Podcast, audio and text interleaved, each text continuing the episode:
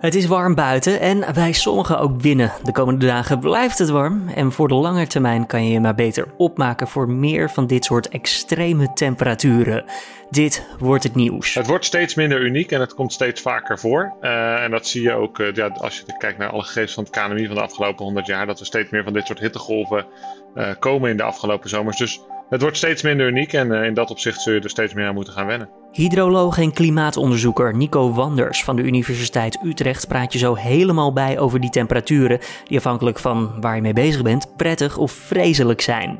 Maar voordat het zover is, eerst het nieuws van nu.nl. Mijn naam is Julian Dom en ik ben terug van een weekje vakantie. Dank aan vaste collega's Esme en Carné voor het invallen en ook Frank en Lindsay voor het bijspringen. Het is een bloedhete maandag 10 augustus en vanuit een hok zonder airco is dit de Dit Wordt Het Nieuws middagpodcast.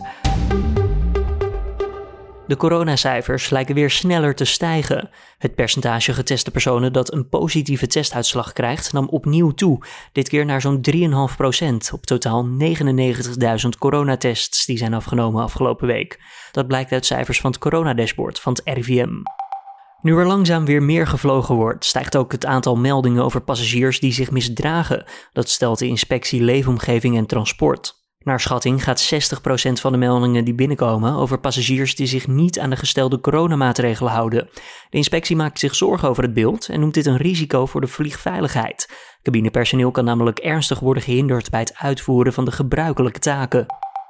En we hebben in Nederland de laatste dagen flink meer drinkwater gebruikt dan normaal. Vitens, dat bijna 6 miljoen mensen van water voorziet, meldt dat het sinds vrijdag gaat om een stijging van 42% In totaal pompt het bedrijf bijna anderhalf miljard liter water per dag naar haar klanten. Verschillende bedrijven vragen gebruikers daarom om zuinig om te gaan met het drinkwater vanwege deze extreme vraag. Binnen 72 uur is bij Giro 555 ruim 2,2 miljoen euro binnengekomen voor de slachtoffers van de explosie in Beirut. Voor zover bekend zijn 158 mensen om het leven gekomen en zo'n 5000 anderen zijn gewond geraakt. Honderdduizenden mensen raakten in één klap dakloos door de ontploffing. Een groot deel van de Libanese bevolking was al voor de explosie afhankelijk van humanitaire hulp. Door de ramp is het aantal hulpbehoevenden alleen maar verder gegroeid. Steeds meer gemeenten staan niet toe dat beleggers nieuwbouwwoningen kopen om deze vervolgens te verhuren. In het afgelopen jaar hebben bijna 20 gemeentekopers verplicht tot het zelf bewonen van het huis. Daarover schrijft het Financiële Dagblad vandaag. De gemeenten, waaronder Amsterdam en Utrecht, willen op deze manier woningen betaalbaar houden voor consumenten met minder geld. Dan ons gesprek van deze middag. Zoals gezegd is het warm in Nederland. Heet is eigenlijk misschien zelfs het betere woord als we eerlijk zijn. Want ja, we hebben te maken met een hittegolf. Het zijn hoge temperaturen die zeker voor Nederlandse maatstaven bijzonder lang aanhouden. Is zo'n hittegolf nou gevaarlijk en zijn we er goed op voorbereid hier in Nederland? Daarover praat ik met hydroloog en klimaatonderzoeker Nico Wanders van de Universiteit Utrecht.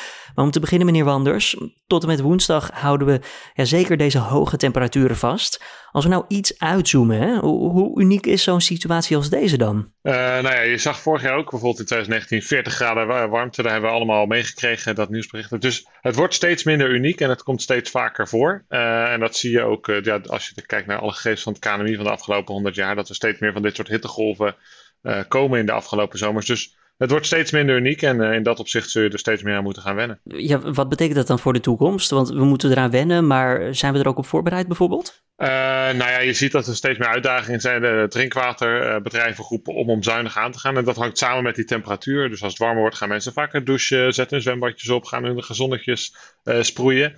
Uh, dus in dat opzicht zijn, ja, zijn we niet op alle facetten eraan gewend. En ik denk dat mensen zelf ook wel merken dat ja, je, hoort mensen er wel echt over praten. Dus zo, zo erg zijn we er nog niet aan gewend. maar je ziet aan de andere kant ook wel weer dat. Ehm, dat allerlei instanties maatregelen nemen om te voorkomen. Het hitteprotocol heb je vaker langs zien komen in de afgelopen jaren dan daarvoor. En in dat opzicht zijn we wel eraan meer aan gewend, ja. Nou, omdat je net zei, het, het, lijkt dus, of tenminste, het komt steeds vaker voor. Um, is het dan ook zo dat de toekomstmodellen bijgeschaafd moeten worden? Of kloppen deze nog met de verwachtingen? Nou, als je hebt uh, wat in de jaren 80 en 90 zijn ook van dit soort toekomstmodellen gemaakt. En als je kijkt naar hoe goed die modellen doen voor, voor nu, want die maakten toen een voorspelling voor over 30 jaar en hoe zag dat eruit, dan zie je dat die eigenlijk die modellen het best zelfs nog een, een beetje onderschatten, maar eigenlijk wel redelijk goed in, de, in, beeld hadden van, van, wat er ging gebeuren. Dat was al in de jaren 80. nou, de modellen die we tegenwoordig maken zijn steeds beter en geavanceerder en preciezer. en over het algemeen wijzen ze ook, het is niet dat er één model wordt gemaakt, maar er worden echt 30, 40, 50 modellen gemaakt door allerlei verschillende instituten. En die wijzen allemaal dezelfde kant op. Dus in dat opzicht zit alles wat we nu zien en meemaken binnen de, ja, de onzekerheidsmarge van dit soort modellen, zoals ze technisch zeggen. En hoeven ze dus niet per se bij te stellen, maar ja, het geeft natuurlijk wel extra informatie om, uh, om dit soort modellen op te, te maken. Maar we konden dit dus zien aankomen. En toch, als we dan even naar het bericht van vandaag kijken, drinkwaterbedrijven in Nederland die roepen op zuinig doen met water, want er lijkt misschien een tekort aan te komen.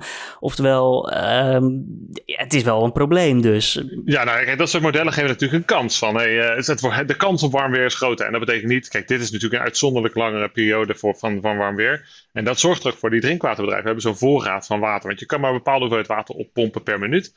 Drinkwaterbedrijven leggen daarom een voorraad aan uh, voor de piekuren. Maar ja, als mensen allemaal tegelijk uh, na het eten de, de, tuin gaan water geven, of allemaal s ochtends even gaan douchen. Of de kleine uh, zwembadjes vullen in de tuin voor de, de kinderen. ja, of de zwembadjes vullen tussen 9 en, en 11 s ochtends, ja, om ons wel lekker op te warmen. Ja, dan, dan zie je dat die voorraden sneller opraken. En ja, dus dat opzicht kun je dat niet allemaal zien aankomen. Je kan wel zeggen van, goh, er zit een trend in. Maar goed, in de jaren 80 en 90 toen was uh, klimaatonderzoek en klimaatverandering nog niet zo'n hot topic als tegenwoordig. En uh, ja, voor dat soort aanpassingen worden verricht, je kan niet overal een drinkwaterput gaan slaan. Want dat heeft ook invloed op de, de boeren die daar zitten. Want die mogen dan bijvoorbeeld uh, weer andere dingen doen met pesticiden. Want anders komt dat in je drinkwater. Dus ja, dat is, dat is een meerjarenplan. Misschien valt dit niet in, je vakgebied hoor, maar een vraag die toch bij me te binnen schiet is: uh, kunnen we het ook snel genoeg weer zuiveren in de hoeveelheid die we het ook gebruiken? Dus ja, het water dat gebruiken we, vervolgens wordt het weer weggegooid of weggespoeld of wat dan ook. Komt het snel genoeg weer in het systeem terecht zodat we het weer kunnen gebruiken? Enig idee? Ja, nou die waterzuiverinstallaties hebben een bepaalde capaciteit, maar afhankelijk van de regio waar we kijken, we gebruiken wel meer, maar heel veel van dat water verdampt. Dus als jij tuinwater geeft, ja, dat komt niet in het riool terecht. Dat verdampt gewoon de atmosfeer in. Uh, en een deel van die waterzuiveringsinstallaties zijn vooral ook uh, gemaakt om ook tijdens uh, heftige regenbuien, daar komt ook een deel van het water via het riool in dat soort zuiveringsinstallaties. Dus eigenlijk op dat moment is die capaciteit veel belangrijker. nu is er eigenlijk het grootste deel van dat water wat gebruikt wordt, dat verdampt gewoon. En ja, misschien douchen we een keer extra of iemand gooit zijn badje leeg. Uh, maar dat is in, ten opzichte van een enorme regenbui van 10 of 20 mm is dat uh, peanuts. Valt het in het niet? Uh... Ja, valt echt in het niet, ja. ja. Um, dan nog eventjes de hitte die, waar we nu mee te maken hebben. kan je iets zeggen over of een hittegolf nou eigenlijk ook gevaarlijk is? Uh, nou, een hitte gevaarlijk. Ja, voor, kijk, voor mensen, individuele mensen. Je ziet uh, bijvoorbeeld in 2003 was er een enorme hittegolf in Frankrijk. En dan zie je wel dat er oversterfte komt in bejaardentehuizen. Omdat mensen ja, minder goed kunnen omgaan met de hitte. En als gevolg daarvan uh, overlijden. dat, dus altijd de vraag: zijn dat mensen die eerder overlijden, die dan later ook over, zouden zijn overleden? Um, als je echt kijkt naar luchtkwaliteit in Nederland en zo, dan, dan zijn we nog wel. ja, er is kans op smok, maar het is niet zoals in andere landen op de wereld waar waar dit veel erger kan zijn. Uh, dus ja, het hangt vaak wel samen met een droge, stoffige dag. Want ja, het moet droog zijn om, om zoveel hitte te krijgen. Uh, maar in Nederland zijn de problemen, als je kijkt op wereldschaal, relatief beperkt. Ja, om, om zo meteen nog even terug te komen naar het uh, de bigger picture. Eerst nog even Nederland zelf. Um, wij spraken elkaar in juni al eventjes over toen een langdurige regen, regenperiode, wateroverlast in Nederland. Uh, nu eigenlijk het tegenovergestelde. Het is weer lekker droog, maar er moet altijd wat te klagen zijn, want ja, Nederland.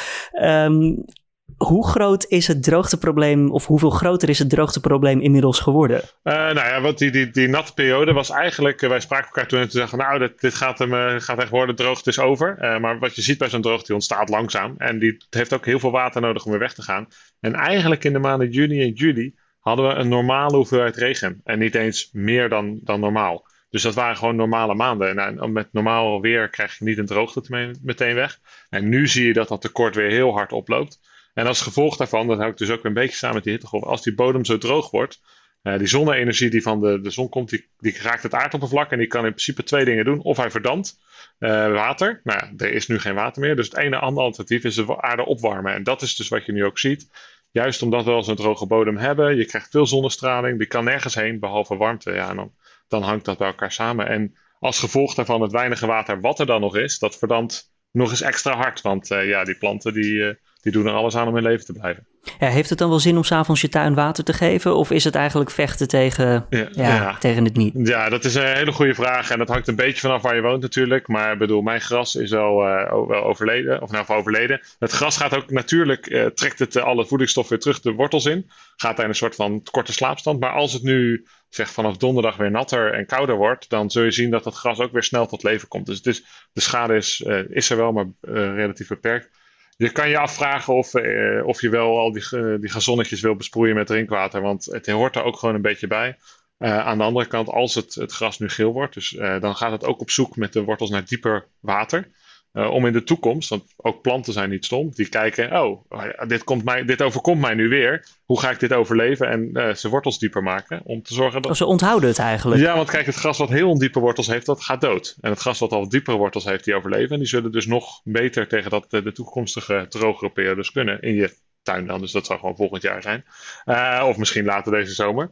Dus in dat opzicht past de natuur ook zich, uh, zich aan. Kijk, als het water heel hoog staat, dan hoeven planten niet te investeren in wortels. Staat het heel diep en is het vaak droog, dan gaan ze daarin investeren. Dus um, het is een beetje een keuze of je de planten laat leren of niet. Uh, maar ja, het is wel een beetje, ja, als je ziet, verdampt 5, 6 mm per dag aan water. Dus dat betekent dat je gewoon een halve centimeter water eigenlijk over je tuin zou moeten uitsproeien. Uh, per, ja, en dat zijn toch wel enorme hoeveelheden. En misschien niet helemaal uh, wat we willen als we kijken naar kunnen we in de toekomst genoeg drinkwater hebben? Willen we allemaal ons drinkwater zo goedkoop houden als dat het op dit moment is? Ja, want het lijkt ook alsof het sneller verdampt dan dat het erbij komt. Hè? Als het lang hard regent, dan kan het die steenharde grond niet in. Ja. En als het een keer heel erg warm is, dan is het poef ja. en het is weg. Ja, nee, maar kijk, die 5, cent, 5 mm per dag is best een aanzienlijke hoeveelheid. Er valt op jaarbasis 800 mm regen in Nederland. Nou ja, als je op 5 mm in één dag zo verdampt, uh, ja, dat, dat, gaat, dat gaat best hard. En zeker in de zomer, wanneer er misschien in de maand 60 mm valt. Dus ben je in 12 dagen, ben je al dat water is alweer verdampt. Als het gewoon echt een normale maand zou zijn. Een uh, beetje met getallen, veel getallen hier, maar het, is gewoon, ja, het gaat gewoon heel hard. En dat zie je vooral ook als je bijvoorbeeld een emmer hebt staan of, een, of een, je gooit. Je, je, je tegels zijn bijvoorbeeld een keer nat geworden. Nou, hoe snel dat weg is met deze instraling is ja, ja, je laat een drankje vallen en het is, uh, ja. je, je, loopt naar de keuken en je hoeft dan niet meer op te dweilen. Bij Niemand maakt zich zorgen, denk ik, als ze nat gespetterd worden bij het water, dat, uh, dat je de hele dag in natte kleren loopt op dit moment. Dus, uh... Maak jij je zorgen als expert, als wetenschapper op dit moment over de droogte, over het klimaat? ik maak me wel zorgen, ja. Ik bedoel, als je kijkt naar de, de periodes die we nu 2018, 2019, 2020 gezien hebben, achter elkaar, zonderlijke situaties, dan denk ik wel dat we ja, een beetje wake-up call krijgen van wat er allemaal uh, wat er kan gebeuren in termen van droogte, maar ook in termen van hitte. Um, ik maak me zorgen om het feit dat dat dus vaker voorkomt en dat dus ook de natuur en, de mensen daar onder, lijden. Maar uh, waar ik me dan weer positief in gestemd ben, is het feit dat ik verwacht dat, kijk, voor ons als mensen en als, als, als waterland, daar kunnen we wel maatregelen nemen en maatregelen ontwikkelen om ons daartegen de gevolgen te beschermen. Maar uh, het proces op zich is gewoon niet goed. En uh, ja, we kunnen wel technologische oplossingen vinden, maar daar kunnen we echt niet alles mee redden.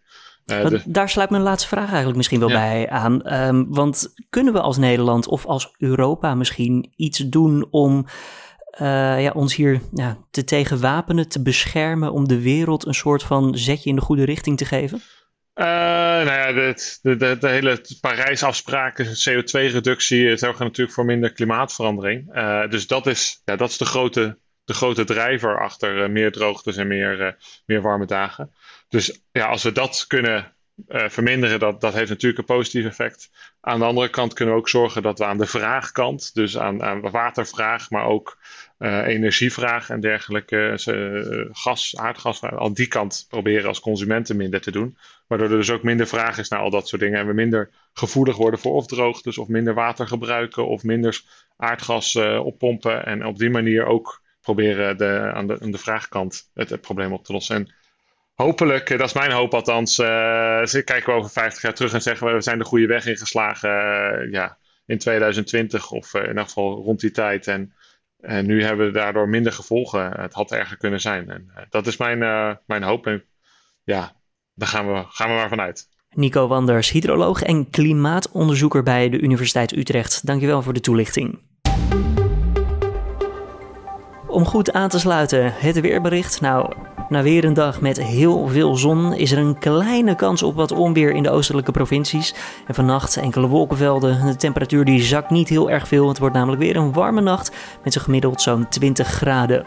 Morgen weer veel ruimte voor de zon met maximumtemperaturen van 29 graden in het noorden en 35 graden in het zuiden. Om af te sluiten, een transfer in Radioland. Bram Krikke verruilt namelijk Slam voor Q Music. De 25-jarige radio-dj gaat met Tom van der Weert vanaf september een nieuw programma maken op Q.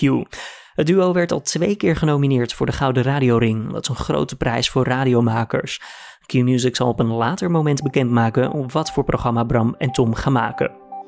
En dit was dan de Dit Wordt Nieuws middag podcast van deze maandag, de 10e van augustus. Tips of feedback? Laat het aan ons weten via podcast.nu.nl en mail ook je vragen voor de hoofdredacteur. Komende vrijdag zit hij er voor de Week van Nu, oftewel de openbare redactievergadering. Ik wens je voor nu een hele fijne middag en ik spreek je hopelijk morgenochtend weer. Want om 6 uur zit ik klaar op de voorpagina van nu.nl met het nieuws van dag.